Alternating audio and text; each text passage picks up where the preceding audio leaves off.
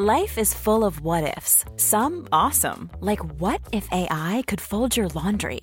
And some, well, less awesome, like what if you have unexpected medical costs?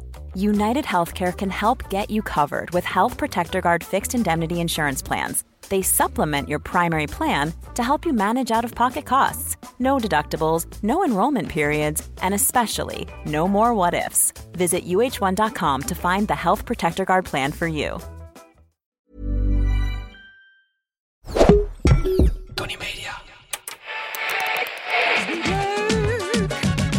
Smeer er zalf op en soms ook crème. Ik heb altijd jeuk ook als ik zwem. Wil jij me even krabben onder op mijn rug? Kom hier aan, doe het vlug. Ah ja, kom hier aan, doe het vlug. Want jeuk is niet leuk, maar als jij krabt, nou, lekker krabben. Ja, dit was Jeuk van Victoria Wonderful. Ja, luisteraars, welkom bij Darmstad FM, het nachtradioprogramma... waarin ik, Tina de Bruin, samen met mijn gasten afkomstig uit de Glam of Show... wandel over de persoonlijke schaamtekade... om te kijken hoe hoog het schaamtewater al dan niet dan toch wel staat. Ja, en vannacht is mijn gast... Met wie ik nacht ga braken in zijn duster van tweet zit hier Rick van de Westerlaken. Ja, Rick van de Westerlaken. Rick, hallo. Oh, mijn stem is helemaal In de nachtstand al. in de nachtstand gegaan. Ik hoor het, die slaapt al een beetje. Ah, nou. Ja. Ja, nou, ik ben ook een beetje, eh, een beetje zo nachtelijk eh, vandaag. Gelukkig een kopje thee erbij. Ja, je had een kopje thee op je wensenlijst Ja. gezet. En dan, dan laten Geen we koffie, want ik hoor heel veel, heel veel van jouw gasten altijd Ja. maar koffie drinken Ja, midden om- in de nacht. Ik zou dat echt niet kunnen. Om maar wakker te blijven natuurlijk. Oh, is dat het? Ja. Nou, ik, ben, ik, wil, ik, ik slaap dan niet meer in. Ja, dat begrijp ik. wel, Want je gaat na het interview ga je nog even een klein dutje doen. Ja, ik hoop nog wel even te kunnen slapen, ja. Ik, ben, ik ga normaal wel best wel vroeg naar bed, dus eh, dit is voor mij echt heel bijzonder. Ja, ga jij vroeg naar bed? Ja, ik ben echt door corona ben ik een soort van eh huis, huismus geworden. Of mol? Huismol. Ja, ik ben echt een huismol geworden. Nee, ja, het is wel. Ik, ik heb wat, eh, wat eh, rustiger leven eh, door, sinds corona. En dat bevalt me eigenlijk wel. Ja. Ik was vroeger wel. Ik werkte vroeger heel onregelmatig. Hè. Dan was ik eh, journaals aan het presenteren tot na middernacht nog. Of 's ochtends vroeg eruit om de ochtendjournaals te doen. En ik had eigenlijk helemaal geen ritme. En sinds vijf jaar andere werk, andere tijden en over het algemeen meer regelmaat. En ik ben ook gezonder. Dus eh, ik ben niet meer zo. Ik was bij in, in de journaaljaren was ik gewoon driekwart van het jaar verkouden ongeveer. En dan een paar maanden niet. En nu ben ik gewoon heel zelden af en toe. Ik, ben, ja, ik voel me wel fitter en zo. Dus corona heeft jou goed gedaan. Heeft jou ook goed Nou, het, gedaan. Ook, het heeft, dat heeft het een klein beetje geholpen. Het heeft een beetje, mijn, eh, heeft een beetje rust gebracht of zo. Ja. Rick, dit, dit is een podcast en, en Ja. er staan hier eh, camera's, zie je? Er zijn ja. er een hebben. Maar die doen het niet. Nee. Gelukkig maar. Ja? zo, zo nachtelijk eh, is het vaak niet heel eh, voordelig. Want, want vind je het lastig als ze draaien?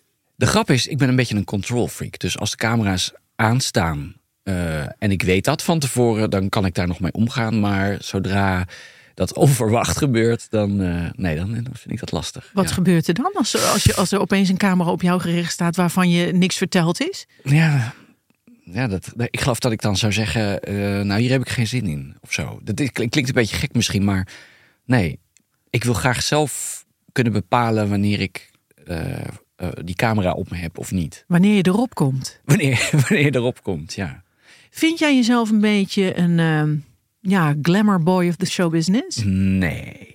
Ik ga wel eens naar een première of zo. Als ik, eh, als ik word uitgenodigd en eh, ik ken iemand in de cast of een, eh, ken een regisseur of vrienden van mij willen er heel graag heen of zo. Dan ga ik er wel heen en dan, dan stel ik me daarop in. Dan weet ik, oh, er is een rode loper. En dat is zeker, als je dat voor het eerst meemaakt, dan weet je niet wat je overkomt. Want dan denk je, nou, ik glip wel even achter die heel beroemde mensen langs. En dan roepen ineens allemaal fotografen je naam. Dat je denkt, Rick, ah, Rick, je komt erop. ja, ja, kun je even, even wachten? We moeten je ook nog fotograferen. En dat is dan heel onwerkelijk. Dan ben je, oké, gelukkig heb je een leuk pak aangetrokken en je haar gekamd. Dus dan weet je inmiddels, oh ja, nou, ze gaan, hè, dat, dan, dan lach ik even. Want ik heb nu ook geleerd dat ik dan maar beter kan lachen en niet zo heel ongemakkelijk eh, moet kijken. Zeg van, ah, ik, ik ben er, ja, ik weet eigenlijk niet wat ik hier doe. Dat doe ik dus niet meer. Dus ik lach dan heel enthousiast. En ik, ik heb het dan ook wel echt naar mijn zin. Want ik vind dat ook wel een gek moment. Dus je kan er wel van genieten. Op dat moment, het stukje van de ene kant van de loop naar de andere, dan, dan stel ik me daarop in. En dan ben ik er klaar voor, dan kan ik dat. Maar daarbuiten ben ik daar niet zo mee bezig. En vind ik het ongemakkelijk. En ehm gênant. Dus daar is wel schaamte. Kijk, en dan komen we natuurlijk weer bij het thema van deze podcast. Dat is schaamte. En eh, wat ik heel leuk vind, je hebt een biedermeiertje met schaamte op tafel eh, Zeker, gezet met ja. bloemen en al. En dan zou ik willen zeggen, eh, zou je dus tussen willen vriemelen en kijken wat eruit komt? Nou, laten we, laten we eens hebben over, die, over wat ik eh gênant of waar ik me voor schaam. Is het wel een beetje dus die bekendheid. Dus dat je ehm, bijvoorbeeld ehm, in een vliegtuig zit je. Je bent op vakantie. Eh, je moet naar de wc. En je gaat dus in een rij staan van mensen. Voor dat, hè, voor dat ene wc'tje, want het zijn er nooit veel. En dat dan een meneer achter mij begint met zo'n dubbele tong. Ik ken je toch ergens van? Maar oh, en je bent van het weer. En dan, nee, nee, ik ben niet van het weer. Je bent van de sport. En dan steeds harder praten. Maar ik ken jou toch? En dan dat dan de hele, ja, de hele cabine of waar ik dan zit, de cabin. Er zitten al die mensen ineens ook. Oh ja, dat is inderdaad iemand die we ergens van kennen. En ik weet dan niet hoe ik moet reageren. En dan Met een volle blaas. met een, sowieso met een volle blaas. En dat die meneer steeds opgewondener wordt. En ook nog dronken. En dat je ook denkt, ah, Dimme, weet je, ik vind... Kan het wat zachter? Kan het wat zachter? En moet dat nou echt nu? En gelukkig was er een mevrouw achter me. En die zei, ehm, nou, ik denk dat deze meneer op vakantie is. Dus die wil niet zo met zijn werk bezig zijn. En toen dacht ik, oh, ik dank u wel, dank u wel. En toen ging hij wel weer... En toen was gelukkig ook mijn wc vrij. Het was het moment weg. Maar ik kan dat gewoon niet zo goed. En ik was met Splinter naar Oerop, ter Schelling. En dan staan we dan zo'n op die veerpont. En die meert dan aan. En iedereen loopt dan naar de deuren. En het duurt dan even voordat die deuren openstaan. We staan met z'n allen bij elkaar. En dan staat er een meisje naast ons. En die begint heel hard te gillen. Zo'n ijselijke gil. Dat je denkt, oh mijn god, er is iets vreselijks aan de hand. Ja, we gaan zinken. en ook iedereen draait zich om. En wat was er nou aan de hand? Ze herkende mij en Splinter. En dat ze ook alleen maar zei... Oh, ik wil op de foto. en dat weer een andere mevrouw zei... Ja, zeg nou maar, maar eens nee. En dat je aan denkt, ja, oh, dit is... Ik wou dat ik, weet ik veel, een Katja Schuurman was of zo... die dan volgens mij altijd dat met een, met, met een soort flair en enthousiasme en een gratie Kan ontvangen. kan ontvangen en oplossen en met een grote glimlach. En ik sta, Splinter keek mij aan, die begon me keihard uit te lachen, omdat ik gewoon in elkaar verschrompeld was als een rozijn. En alleen maar dacht, kan ik hier weg, kan ik hier weg. En weet je waar dat vandaan komt? Omdat ik enerzijds, ehm, je bent er niet op berekend. Anderzijds, ehm, ik maak televisieprogramma's met een team. Ik maak programma's met heel veel mensen. Al die mensen zijn nodig. We, zijn, we hebben elkaar nodig om een mooi programma neer te zetten. Dat die mensen alleen mij zien, hè, ik ben het uithangbord, wil niet zeggen dat ik alleen daar de credits voor draag. Die krijg ik soms wel, ehm, maar ik heb ook presentatiecollega's gezien in het verleden die die credits ehm, heel graag tot zich namen. En als het dan even misging, dan gingen ze afreageren. Weet je wel, ik heb sommige mensen ook ten onrechte bepaalde credits zien nemen. En ik wil niet zo zijn. Snap je? Dus daar komt een beetje schaamte van dat, dat ik denk, oh, als ze maar niet.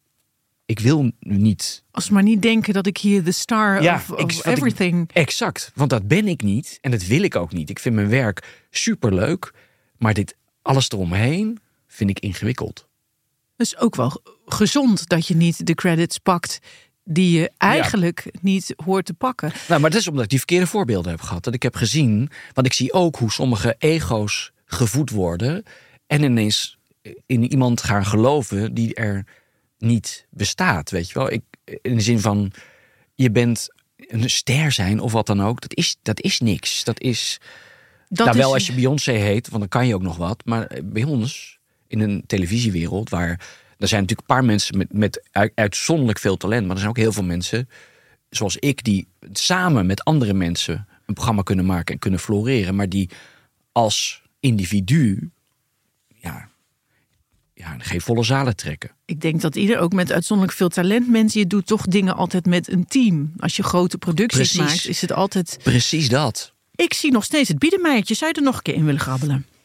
Ehm, ja, ik, eh, ik grabbel en ik heb ook wel ehm, schaamte over eh, asociaal gedrag. Ehm, ik vind mensen die, eh, zeker in een stad als Amsterdam, waar ik woon, mensen die heel veel openbare ruimte innemen, bijvoorbeeld met een grote beatbox in het park gaan zitten, keihard muziek draaien, eh, zodat het hele veld ervan kan mee kan meegenieten. Iemand die eh, met zijn elektrische fiets 60, 80 rijdt, daar word ik dus helemaal gek van. Maar ik heb natuurlijk, ik doe ook wel eens dingen eh, die eigenlijk vrij asociaal zijn. Ik heb een hond gehad, Dirk. Al wel weer een tijdje geleden. Dirk was een Grand Basset en een, eh, een, een enorme... Ja, die, die liep zijn neus achterna de hele dag. En het was nog in de tijd dat je in het Vondelpark je hond los kon laten lopen. En dat vond ik een heel goed alternatief. Want als het aan Dirk lag, bleven we bij elke struik 10 minuten staan. Om dat helemaal te besnuffelen. Ik heb geleerd dat dat dan is, zeg maar, zoals jij en ik de krant lezen. Zocht zo leest Dirk het park. Van komt, komt hier nog een andere Ja, komt hier, langs? en wie Hoe is hier laat? gisteren geweest? En eh, god, eh, volgens mij was eh, van Bello van hierachter, die is er ook nog geweest. Ik, volgens mij kan ik bevruchten, want ik Ja. ruik dat Tini loops is. Dus, ja, exact dat. En ik eh, liep zo heel dromerig door het park. Ik had die hond losgelopen laten lopen. En eh, het was een mooie lentedag. En allemaal kleedjes overal, mensen aan het picknicken. En op een gegeven moment heb ik paar Dirk een paar keer geroepen. En die reageerde maar niet. Wat ook niet ongebruikelijk was. Dus ik had hem ook wel wat beter moeten opvoeden misschien. En op een gegeven moment eh, komt hij dan uiteindelijk aanrennen. En ik hoor in de verte al wat toemult. En dan, maar hij komt zo voorbij gestoven met zo'n met zo'n stokbrood met salami in zijn mond. Waarvan je al denkt, oh mijn god, waar heeft die vandaan? Ik wil, ik wil nu echt dood. laat het geen kind zijn. Laat het geen, kind zijn. laat Of een bejaarde. Ja, exact. En dat is, ik schaamde me ook zo toen. Dat je denkt, oh, waarom ben ik ook zo'n aso die zijn hond dan los laat lopen... terwijl je hem niet opgevoed hebt of niet genoeg opgevoed hebt. Ja, dat zijn wel... En dan zie ik, her- herken ik dus mijn eigen oordelen. Ik denk, oh ja, ik schaam me dus nu. Terwijl, ik, ja, dat heeft die hond gedaan. Maar ik vind dat ik wel verantwoordelijk ben. Een beller. Ja, we hebben een beller, Rick. Goedenacht, hallo, je spreekt met Freek Spanbroek. Dag, Freek. Ja, Hi. ja, ja, Rick van de Westerlaak, hè? Ja, Rick, Rick, Rick. Ja. ja. Jongen, er gaat toch een hoop om in dat hoofdje van jou, hè? nou, Met heel die mol en eh, ik zit altijd naar jou te kijken. Samen met Karin, eh, Oh, nog ja. wel, want... eh, ja, om nou te zeggen dat het goed gaat, Karin is mijn vrouw. ja, dat weet ik. En ik heb een x aantal jaren geleden, Rick, een hele grote fout gemaakt. Door met haar eh, in het huwelijksbootje te stappen. En ja, toen zijn wij meteen in een niet zo ziende storm terechtgekomen. En eh, ik ga er verder ook niet over uitweiden, jongen, want ik krijg gewoon een vraag aan jou. Oh, oké, kom maar op. En dat is, eh, in jouw studententijd eh, was je voorzitter van Dispuut, hè? Ja, zeker, dat Had weet je je goed. helemaal als voorzitter had je jezelf eh, gebombardeerd. En eh, had ik ook wel gewild hoor in mijn tijd. Maar ja, ik zat met Karen natuurlijk. En, eh, toen al. Dan wilde ik vragen, vind jij jezelf eigenlijk een leider? Oeh, Dus, dat is een goeie. nou, een hele fijne nacht nog. Ja. En eh, ga zo door. Ah, Dag. dankjewel. Freek. Dag. Freek. Ah. Nou, Ben ik een leider? Nou, weet je, ik vond het ehm, sowieso al heel leuk altijd om... Ik, je had school of studie en daarnaast om allerlei dingen erbij te doen. Eh, en ehm, dat dispuut waar ik eh, bij gezeten heb in Leiden, dat, is, dat was gewoon een vrolijke vriendenclub. En eh, ik ben daar dan wel voorzitter van, maar ik ben... ehm, ik ben niet. Ik, ja, ik, ik zou het kunnen, denk ik, leiden. Maar ik vind het eigenlijk veel leuker om niet per se al die verantwoordelijkheid eh, te dragen. Klinkt dat raar?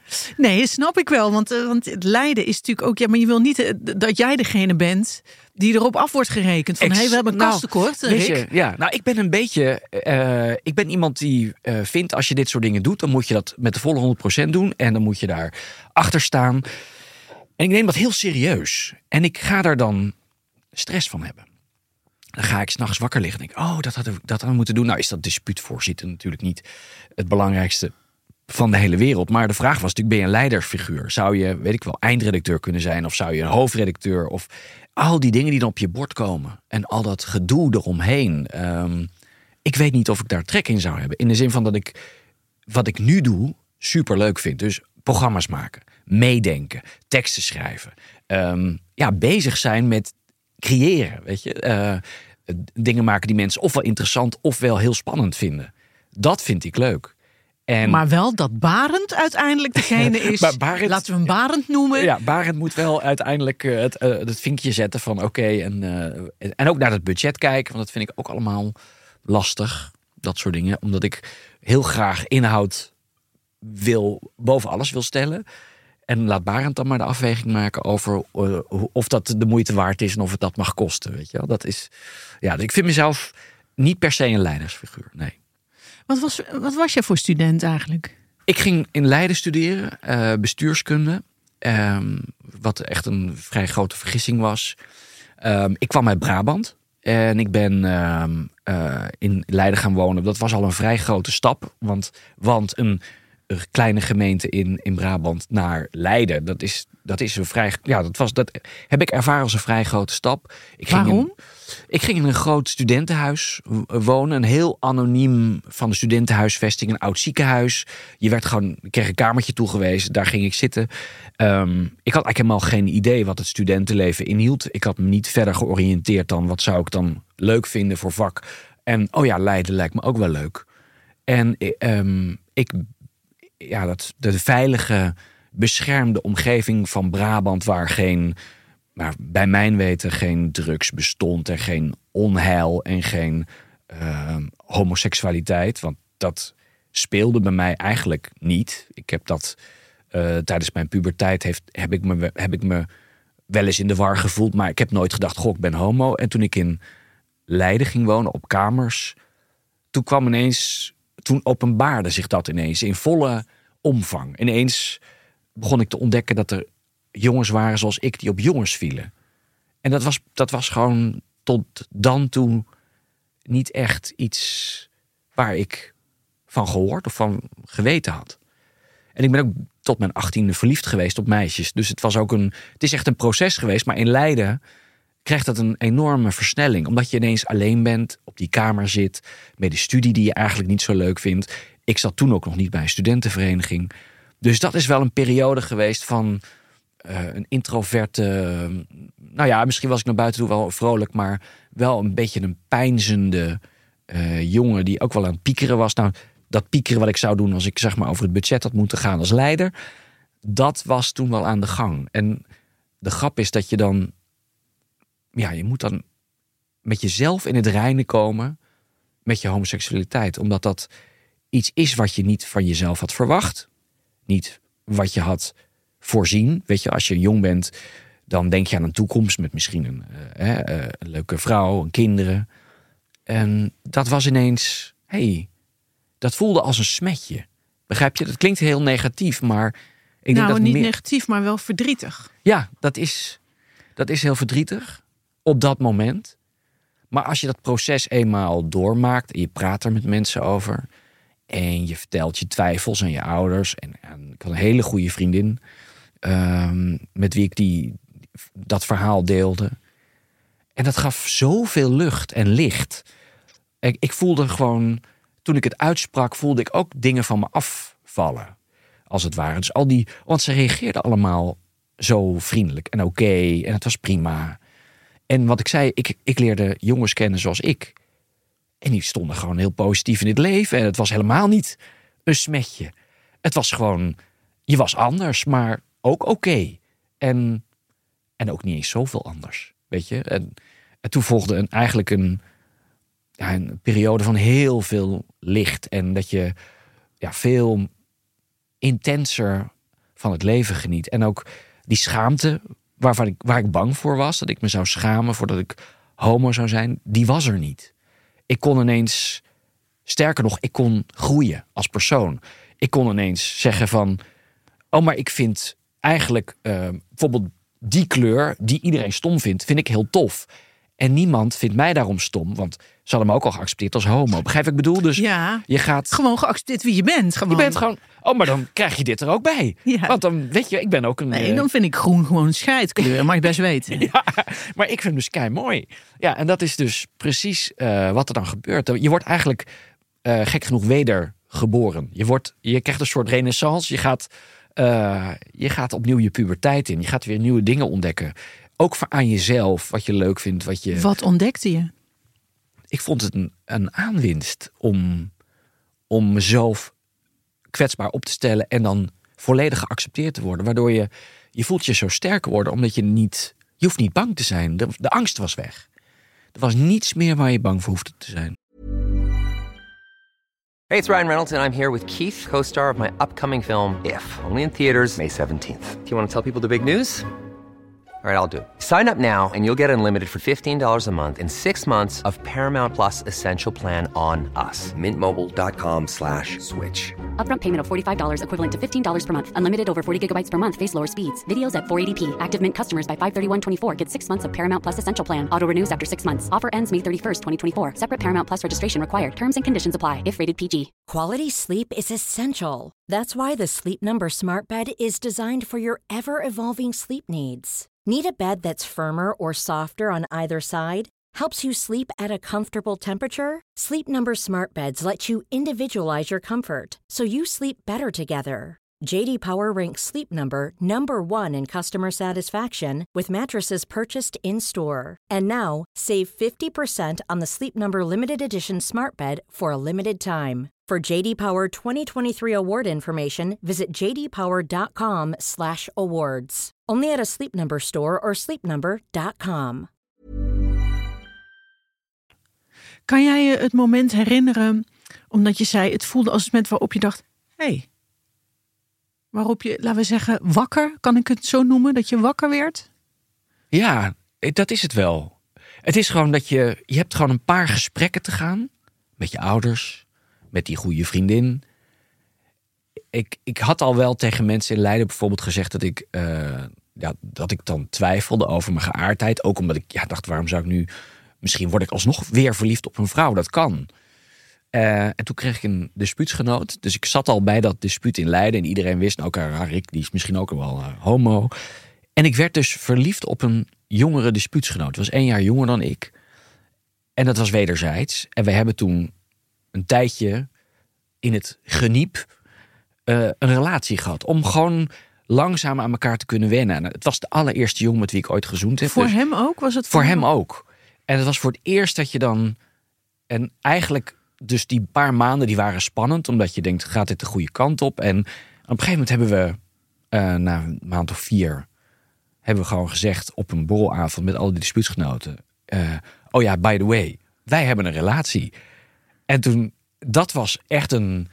Tegelijk, dat was natuurlijk eh, de talk of the town op dat moment. Maar het was ook een soort van alsof je uit een ei gekropen was. En, en, en, en je was met z'n tweeën.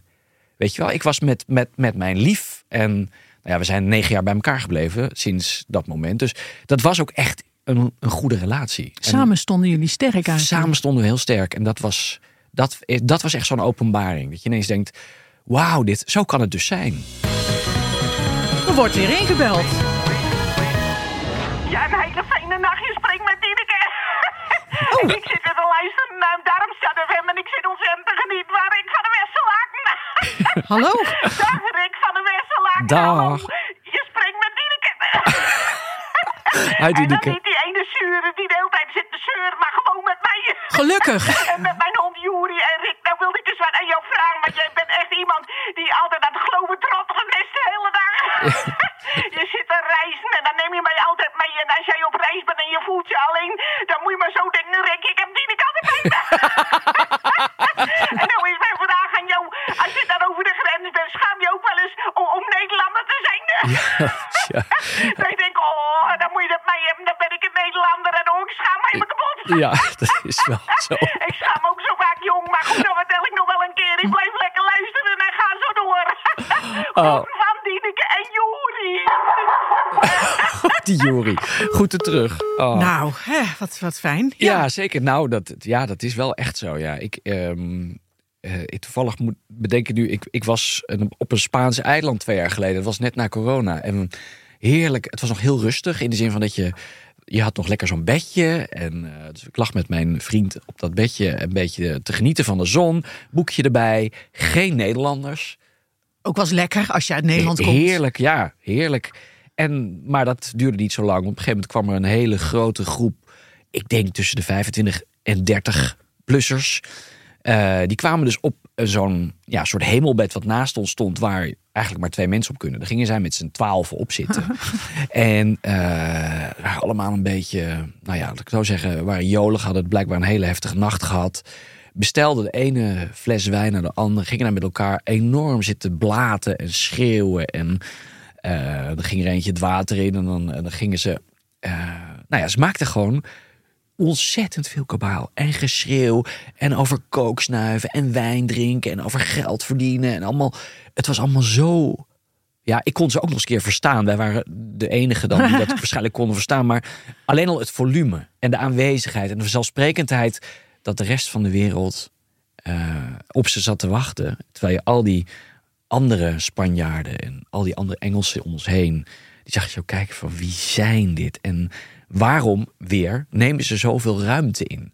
En dat, dat is, ah, ja, dan schaam ik me echt. Ik heb een bedje opgedaan. Ik was een boek aan het lezen met zo'n overduidelijk Nederlandse kaf. Die heb ik gewoon weggestopt.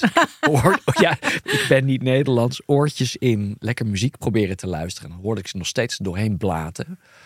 Ja, het was echt. eh, en ook gewoon dat personeel wat daar rondliep. eh, steeds naar het bed toe roepen. En, en hey, hey. En heel ongeduldig zijn en zo. Ja, dan schaam ik me wel echt kapot. Ja. Vind jij het zelf moeilijk om ruimte in te nemen? Ehm, nou, ik vind het moeilijk. Ik vind het niet moeilijk om ruimte in te nemen. Ik neem de ruimte in waarvan ik denk dat die eh, oh, voor mijn werk soms moet. En je moet gewoon op een gegeven moment stu- de studio in en je moet die ruimte innemen. Jij moet daar staan, jij moet je ding doen.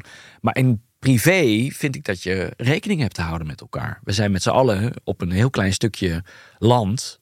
Ehm, en dat betekent dus ook dat je niet tot vier uur s'nachts keihard muziek gaat draaien. Of dat je, eh, nou ja, dat je inderdaad ehm, overlast veroorzaakt. Je vuil, weet je wel, dat je gewoon vijf meter verderop staat een papierbak. Maar jij vindt het nodig om het gewoon zo plop op de stoep te gooien. In de hoop dat iemand anders dat opruimt. Dat vind ik. Of dat een eend erin stikt?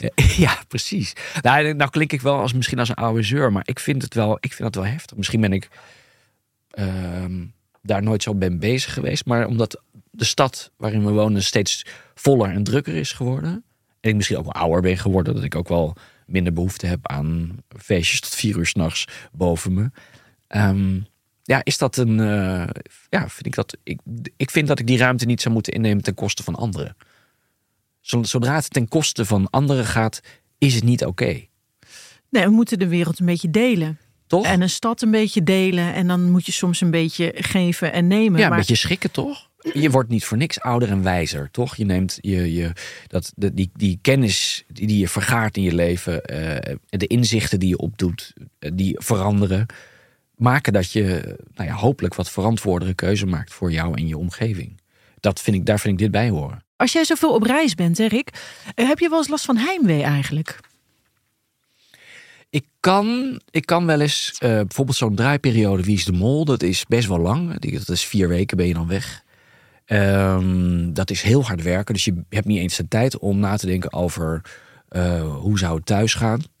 Maar ik heb dan meestal na zo'n twee weken of zo, na tweeënhalve week, dan heb je wel eens een rustdag, heet dat. Het is eigenlijk gewoon een rustige werkdag. En dan heb je wat meer tijd om even na te denken, even met huis te bellen. En dan denk je, oh, ik zou het zo lekker vinden om even een dag naar huis. Even niks op de bank, weet je wel. eh, lekker koken, eh, lekker even vrienden uitnodigen en dan een heerlijk avondje hebben. En dan ga ik wel weer terug. want ik maak de klus gewoon af, want ik vind mijn werk veel te leuk. Maar ja, heimwee is een groot woord. Maar het is wel een, dat je even je lief kan voelen, zien. In je armen kan sluiten en dan weer dat wel, ja. ja. Maar je bent wel echt een reiziger dus. Ik, ik hou wel van, van reizen, ja. En zeker de manier waarop wij dat nu doen. Als aan mij vraagt, zou je nog een keer naar China willen bijvoorbeeld? Dan zou ik, hè, want ik, wij zijn toevallig samen in Wij China samen geweest. in China geweest. Ik heel kort, hè, heel vluchtig. Heel vluchtig. Nou, het is niet dat ik ja, zoveel meer gezien heb. Want ik, ik heb iets meer gezien. Maar het was wel een. Ja, ik vond het nou niet een prettig land om naartoe te gaan. Dus ik. Dat zou. Weet je, mijn avonturiersdrift is ook weer niet. Ik hoef echt niet per se eh, hele hoge bergen te beklimmen. En eh, waterskiënd alle zeeën over te gaan. Daar, zo, zo ver gaat het niet. Maar Gewoon medium rustig door een land een beetje trekken en ja, kijken. een beetje wandelen ook. Ik ben echt ook een beetje een suffe doos geworden. Want ik, vind- ik vind wandelen dus ook tegenwoordig echt fantastisch. Ook zo'n overblijfsel uit corona. Ja, dat iedereen maar gaat wandelen. Ja, joh, maar het is zo. Ik heb ehm, bijvoorbeeld eh, nu sinds een paar jaar dat ik begraafplaatsen vind ik zo fascinerend. Dat is eh, daar zoveel. Ik bij mij in de buurt is een begraafplaats die is heel rustig met mooie bomen, prachtige graven. Dat je daar dan zo langs loopt en dan voel je. dat vind ik zo louterend. Je, je ziet levens daar liggen. Je ziet rituelen, hoe die mensen herdacht worden. Soms zie je foto's van ze. Mooie opschriften. Ehm, ook hele grappige. Dat vind ik heel verrassend. Er is één graf eh, wat ik altijd fantastisch vind. Dus ik denk ik van een meneer. Ik, ik, het is sowieso een Amsterdammer, want hij ligt in Amsterdam. En er staat op: eh, Wat sta je nou te kijken? Ik lag ook liever op het strand. Oh ja, Eh, ja. die is zo top.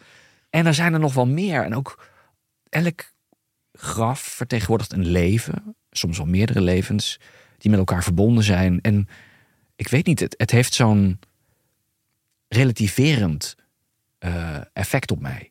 Dus als ik mijn hoofd vol is, of er is stress, of we hebben heftige nieuwsgebeurtenissen, zoals dat de afgelopen jaren is, dan kan het voor mij heel goed zijn om eventjes zo naar over zo'n begraafplaats te gaan, daar te lopen. Het klinkt heel morbide, maar het geeft mij juist meer waardering voor het leven. Begrijp je wat ik bedoel? Ja, dat snap ik wel. De levens die soms ongewild en onverwacht tot einde zijn gekomen. ehm, dat geeft mij, eh, ja, dat geeft mij wel betekenis. Er wordt weer ingebeld. Het is weer druk, Rick. Nou, gelukkig maar. Ja, een hele mooie splinternieuwe hartelijke fijne nacht toegewenst aan iedereen. Hallo? Nou, dankjewel. Hallo, je spreekt met Katinka Bontekoe. Ja. En ik zit natuurlijk lekker te luisteren naar Darmstad FM, mijn favoriete programmaatje. En dan zit daar Rick van de Westerlaken. Ja, dat klopt, Katinka. Hallo Rick. Hallo. En ik heb ook een vraagje voor jou. Oh, en vertel. dat is, ja, wie is de mol, hè? En, en jij weet het natuurlijk wie het is. En dat moet je Zeker. dan telkens malen weer onder... Mag je dat niet zeggen, moet je het Klopt. allemaal weer in je houden. en eh, dat geheim bewaren. En dat doe je natuurlijk ook hartstikke goed. En nou wilde ik eens aan jou vragen. Waarom zou iemand jou kunnen vertrouwen? ja, dat vond ik een leuke vraag. Ja, dat vind ik ook en, een goede eh, nou, vraag. ik denk zelf dat het zo'n kroon is, want dat is natuurlijk al een dondersteen. Dus, eh, Ik zeg niks. Ik blijf gewoon lekker kijken, maar ook luisteren naar Darmstad FM. Dus, Fijn. eh, ja hoor. Dag. Dag, Katinka. Tinka. Dag Katinka. Ik vind dat je ook als journalist betrouwbaar moet zijn. Ik ben in eerste instantie een journalist, ook een televisiemaker, maar eh, ook in het programma dat we maken, eh, als Wie is de Mol, moet je ook betrouwbaar zijn. Je, het gaat zoals het spel gaat. En daar, daar kunnen wij niet mee spelen. Weet je, we hebben, eh, dus ik ben ook als presentator eh, neutraal. Het mol, de mol speelt het spel.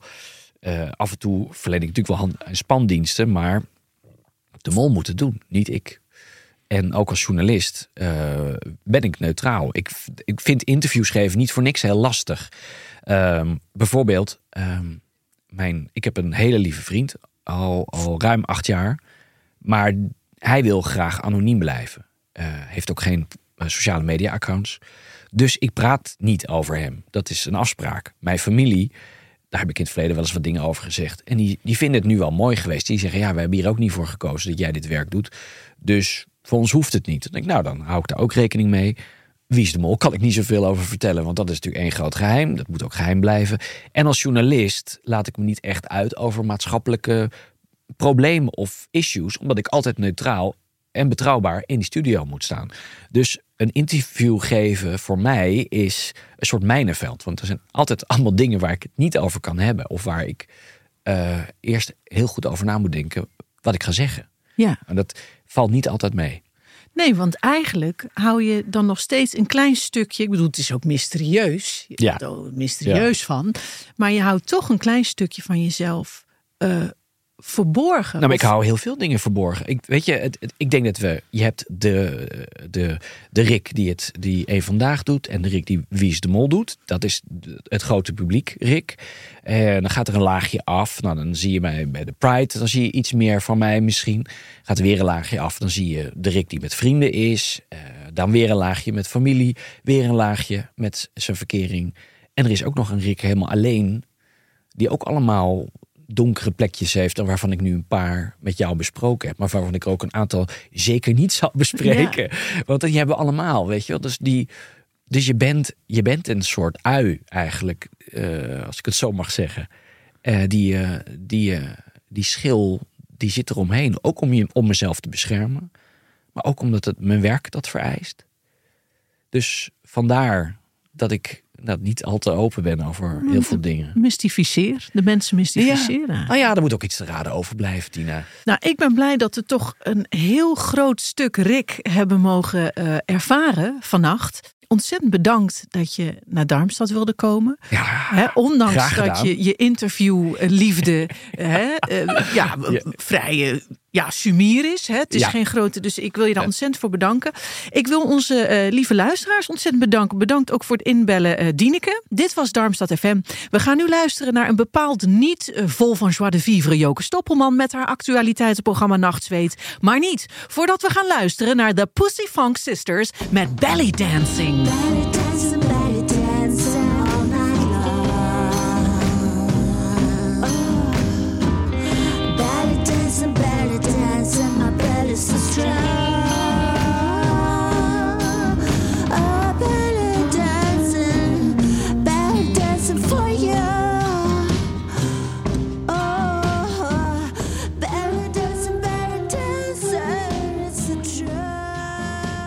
Ben je dit allemaal? Ik, denk, ik weet niet wie dit is. De Pussy Funk eh, Sisters. Ja. Pussy Funk. Nou, mooi. Even when we're on a budget, we still deserve nice things. Quince is a place to scoop up stunning high-end goods for 50 to 80% less than similar brands.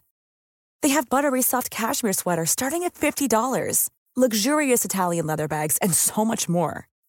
Plus, Quince only works with factories that use safe, ethical, and responsible manufacturing. Get the high-end goods you'll love without the high price tag with Quince. Go to quince.com slash style for free shipping and 365-day returns.